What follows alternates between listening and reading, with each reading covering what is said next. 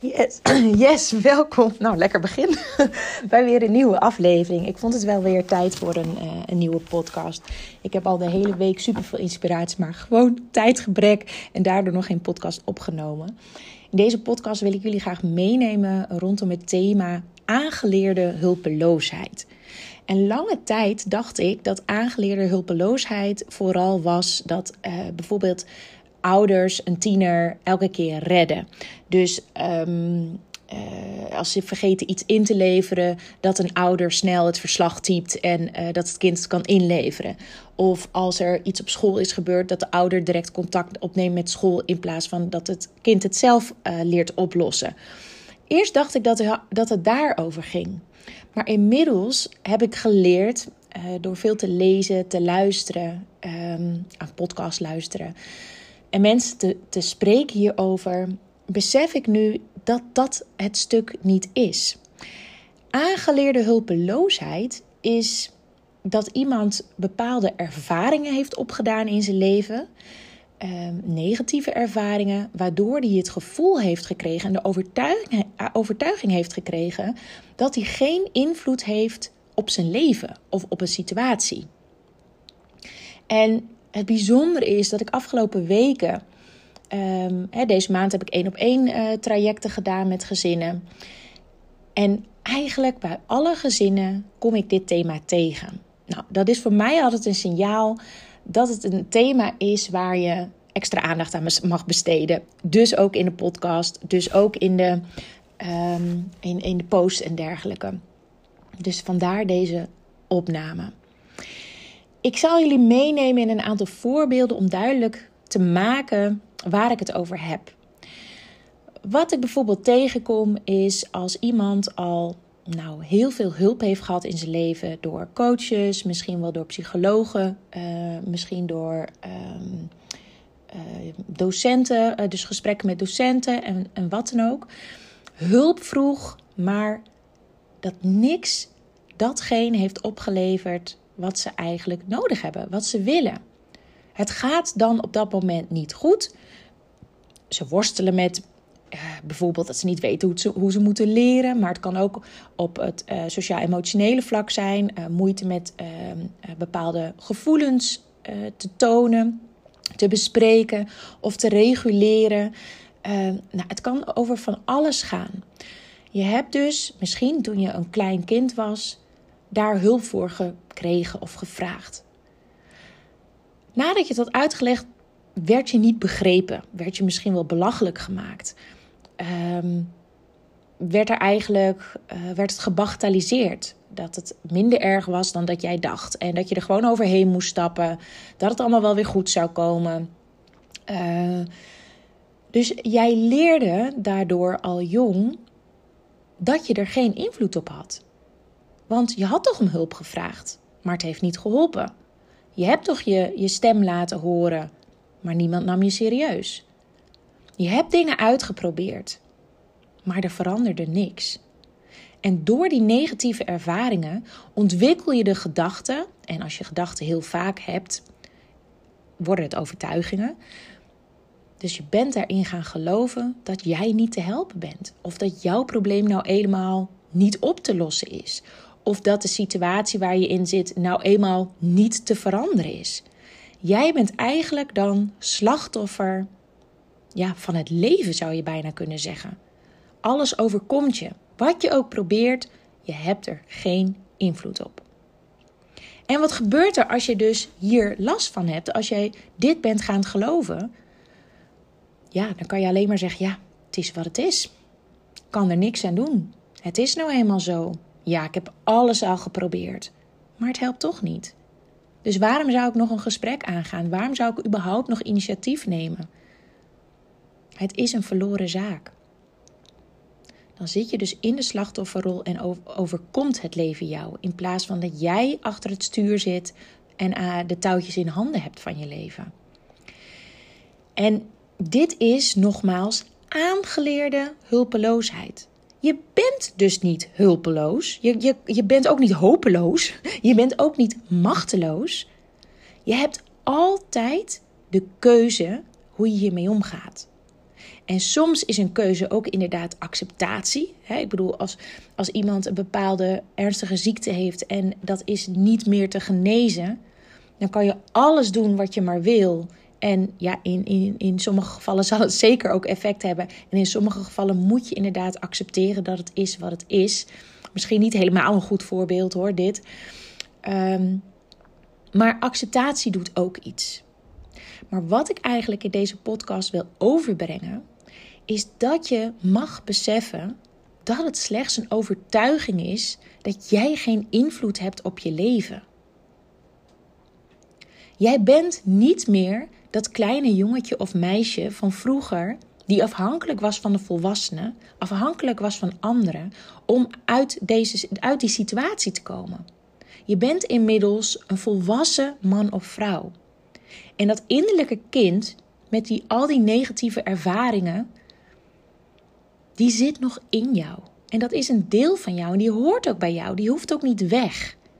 Maar jij mag wel met je volwassen brein, met je volwassen ik, met je ervaringen die je door het leven heen hebt opgedaan, het kleine jongetje of meisje van binnen geruststellen. En zeggen dat het goed is. En dat het een ontzettend naar en vervelend gevoel is geweest. Dat je het idee had dat jij niet te helpen was. Of dat jij niks mocht zeggen. Dat jij niet serieus genomen werd. Dat is vreselijk. En daardoor ben je dat gaan geloven. Maar dat is niet zo. Die fout lag niet bij jou. Kennelijk heb jij niet de mensen om je heen gehad. Heb je niet de mensen op, ben je niet de mensen op je pad tegengekomen die jij op dat moment nodig had. Of die precies de dingen zeiden die jou weer hoop en vertrouwen gaven. Maar die mensen zijn er echt. En geef nooit op. Je hebt altijd invloed op je leven. Maak die keuze dat jij weer de stuur in handen pakt. Maak de keuze: hoe wil ik dat mijn leven eruit ziet? Wanneer vind ik mijn leven goed genoeg? Wie wil ik zijn als persoon? Hoe wil ik zijn als persoon? En weet dat jij alles al in je hebt om diegene te worden, want die ben je al. Het enige wat jij nog hoeft te doen is te handelen op de manier dat die persoon die jij wil zijn handelt. Dus wil jij die ouder zijn die te vertrouwen is, waar je kinderen op kunnen bouwen, op kunnen terugvallen, ehm, dat de kinderen zich begrepen voelen, gezien, gehoord, serieus genomen en erkend voelen. Wat mag jij dan doen? Dan mag je beginnen met luisteren naar je kinderen. Luister zonder oordeel. Luister zonder te verdedigen. Gewoon luisteren. En vertel ze dat je hoort wat ze zeg, zeggen. En vertel je kinderen dat ze al helemaal goed zijn zoals ze zijn. En als er iets moeilijks op hun pad komt, dat ze dat aan kunnen. En dat jij er voor ze bent om op terug te vallen. Wil jij rustig kunnen reageren en niet vanuit emotie en boosheid en frustratie en het, en het gevoel dat je de controle verliest of het gevoel dat je overal alleen voor staat? Wil je dat niet meer? Stop daar dan mee. Nu. Stop ermee. Kies ervoor om die ouder te zijn die vanuit rust en vertrouwen reageert. Je zal zien dat die verandering een mega grote impact heeft op het gezin. Leef volgens de normen en waarden van de persoon die jij wilt zijn. En hou op met jezelf te vertellen dat je er niks aan kan doen. Hou op met jezelf te vertellen dat je dat nou eenmaal niet kan. Bullshit. Jij kan dat ook. En tuurlijk hebben we allemaal een rugzak en hebben we allemaal onze bagage waar we uh, vaak door getriggerd worden. En waardoor we uitdagingen in het leven tegenkomen. Dat heb ik ook. En ik weet zeker dat jij dat ook hebt. Maar weet dat iedereen dat heeft. En dat mag er ook zijn. Het gaat een kind er niet om dat jij de perfecte ouder bent, dat jij alles goed doet. Nee, het gaat erom dat jij de betrokken en belangstellende ouder bent. Dat je laat zien dat je het belangrijk vindt hoe het met je kind gaat. Dat je laat zien en horen dat je, uh, dat je er voor je kind bent. Dat je kind al helemaal oké is. En ik vind het altijd een prachtige metafoor die je kan, uh, voor je kan zien. Ik ben altijd zelf heel erg beeldend, dus ik hou hier echt van. Dat een beukennootje, zo'n klein nootje, alles al in zich heeft om die enorm grote beukenboom te worden. Beuk. Dat is met mensen niet anders. Toen jouw kind net geboren werd, had hij alles al in zich om een waardevol mens, een waardevol volwassene te worden. Daar hoeft niet aan gesleuteld te worden. En datzelfde geldt voor jou. Jij bent vanaf je geboorte al helemaal oké zoals jij bent. Ook jij hoeft niet te veranderen.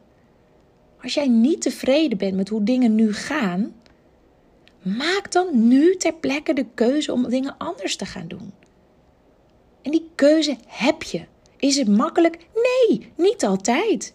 Maar je hebt elk moment van de dag, elke minuut, elke seconde, heb je de keuze om een andere weg in te slaan. En het is niet erg als het soms misgaat. Het gaat de ene keer weer makkelijker dan de andere keer om weer te switchen. Om van de oude ik weer te switchen naar de nieuwe ik. Oh ja, maar hoe wil ik reageren? En geef aan als je het weer eventjes op de oude manier hebt gedaan en dat je daarvan baalt. Ik maakte weer de vergissing en ik wil dat niet meer. En daarom kom ik nu even naar je toe om sorry te zeggen. Ik wil niet op deze manier reageren.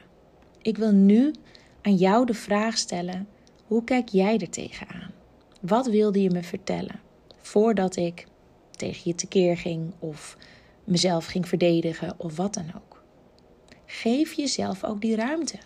Want hoe liefdevoller jij naar jezelf toe bent, hoe meer je dat ook overdraagt aan je kinderen. Kinderen mogen best zien dat wij als ouders niet perfect zijn. We zijn ook maar mensen. En daarmee leren je kinderen ook dat zij ook fouten mogen maken. Dat is alleen maar heel waardevol. Dus herken je jezelf hierin? Dat je denkt: shit, dit gaat over mij. Ik zit inderdaad in de slachtofferrol. Dat ik het idee heb dat ik geen invloed heb op mijn leven, op mijn gedrag, op de situatie. Dat is niet zo. Maak voor jezelf helder. Hoe wil je het wel? En wat voor persoon wil je zijn? Wat voor vader of moeder of partner wil je zijn? En wat zou je dan doen als jij die persoon bent? Doe het vandaag. Begin er vandaag mee. En het helpt soms om voor jezelf elke ochtend bijvoorbeeld op te schrijven wat jouw intentie is van die dag. En met intentie bedoel ik, waar wil je op focussen? Bijvoorbeeld, vandaag focus ik mij op het met aandacht luisteren naar iedereen die dichtbij me staat. Of iedereen die ik vandaag tegenkom. Met aandacht luisteren. Liefdevol luisteren. Bedenk iets wat bij jou past. Oké. Ik hoop dat je hier energie van krijgt. Positieve energie. Dat je hoop uh, weer aangewakkerd wordt. En dat je beseft dat je wel degelijk invloed hebt op je leven. En dat je mag kappen met de slachtofferrol. En dat je je eigen verantwoordelijkheid weer mag pakken. Want jij bent verantwoordelijk voor wie je bent, hoe je je gedraagt en wat je wel of niet doet. Go, go, go! en ik wens jullie ontzettend fijne kerstdagen en een gezond en gelukkig 2023. Doei doei!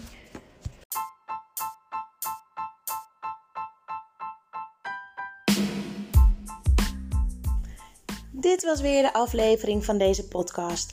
Ik hoop dat je het leuk hebt gevonden, dat je er veel informatie, tips en inspiratie uit hebt kunnen halen.